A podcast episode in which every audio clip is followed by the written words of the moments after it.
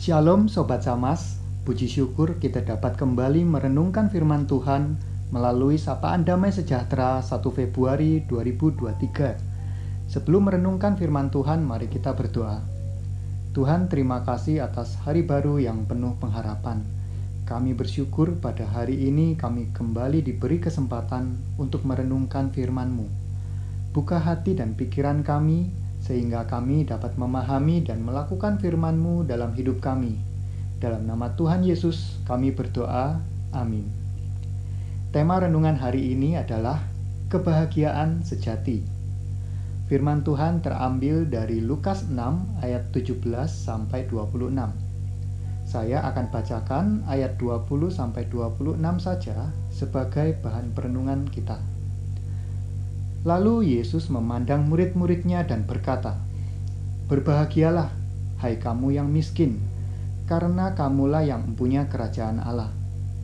Berbahagialah, hai kamu yang sekarang ini lapar, karena kamu akan dipuaskan. Berbahagialah, hai kamu yang sekarang ini menangis, karena kamu akan tertawa.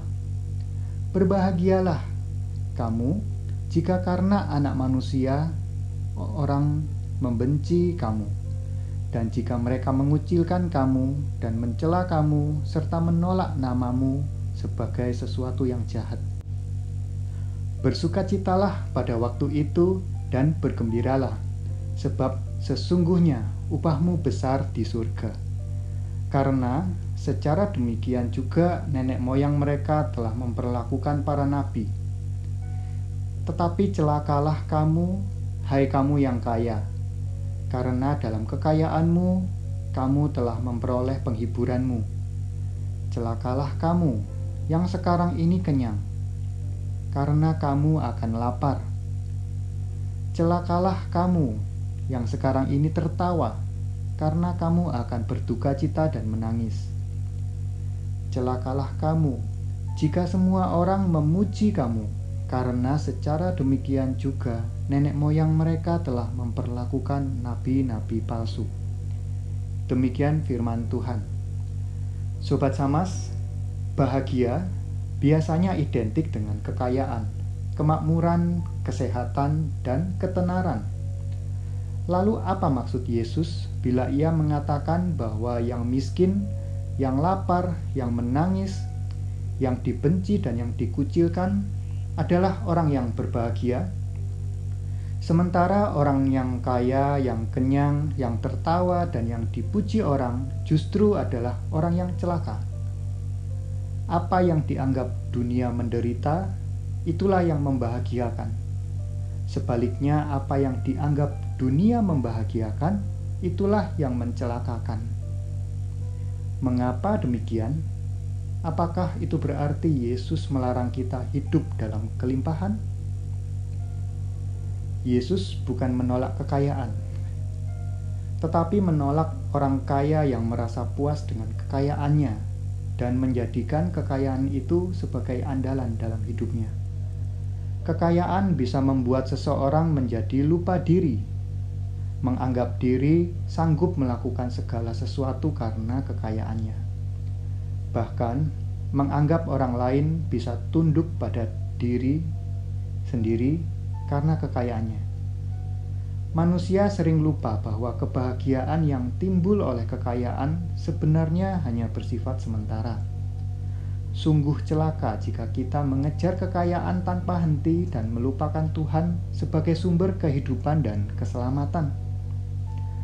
Orang yang celaka ditujukan kepada mereka yang kaya, kenyang, tertawa, dan dipuji orang.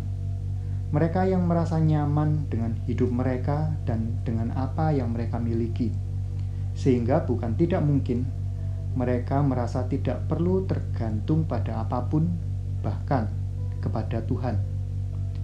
Sebagai upah, mereka akan mengalami kelaparan, duka cita, dan kehidupan seperti para pengikut nabi palsu. Orang yang berbahagia ditujukan kepada mereka yang mengalami kesulitan dalam hidup berkaitan dengan iman mereka kepada Tuhan. Menjadi miskin, lapar, sedih, dibenci, dikucilkan, dicela, dan ditolak. Itulah harga yang harus dibayar sebagai pengikut Kristus. Kepada orang-orang semacam inilah Yesus menjanjikan kerajaan Allah dan berkat-berkat, termasuk kecukupan makanan, sukacita, dan upah besar di surga.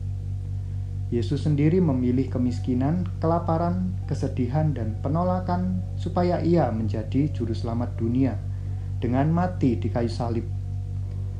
Maka orang yang mengikut dia seharusnya mengikuti pula jalannya. Lalu apakah kita sebagai pengikut Kristus harus hidup melulu dalam penderitaan? Bukan begitu. Maksudnya sukacita dan berkat karena ikut Yesus begitu besar sehingga meskipun kita menyerahkan segala sesuatu yang kita miliki, itu tidak berarti apa-apa buat kita. Karena Yesus menganugerahkan pengampunan dosa, pendamaian dengan Allah, serta sukacita dalam mengikuti Dia. Sobat Samas, menjadi pengikut Kristus berarti siap hidup demi Kristus Mungkin kita harus kehilangan pekerjaan tetap atau sumber kekayaan kita. Mungkin kita akan mengalami kelaparan. Mungkin kita akan menangis karena berbagai pergumulan. Mungkin kita akan dibenci orang-orang yang menantang iman kita. Namun, bagian firman Tuhan ini bukan menuntut kita untuk hidup menderita dan menghindari kekayaan atau kebahagiaan kita justru sedang diarahkan untuk sampai pada pemahaman tentang kebahagiaan yang sejati dan dituntun untuk mampu menikmati kebahagiaan itu. Itulah kebahagiaan yang timbul karena adanya kesadaran bahwa Tuhan adalah sumber kehidupan. Marilah kita menjadikan hidup kita dan segala kekayaan yang dari Tuhan sebagai alat untuk melayani Dia, dan biarlah nama Tuhan saja yang dipermuliakan. Mari kita berdoa. Tuhan, terima kasih atas renungan hari ini. Kami menyadari bahwa Engkau adalah sumber kehidupan. Mengikut Engkau adalah kebahagiaan yang sejati.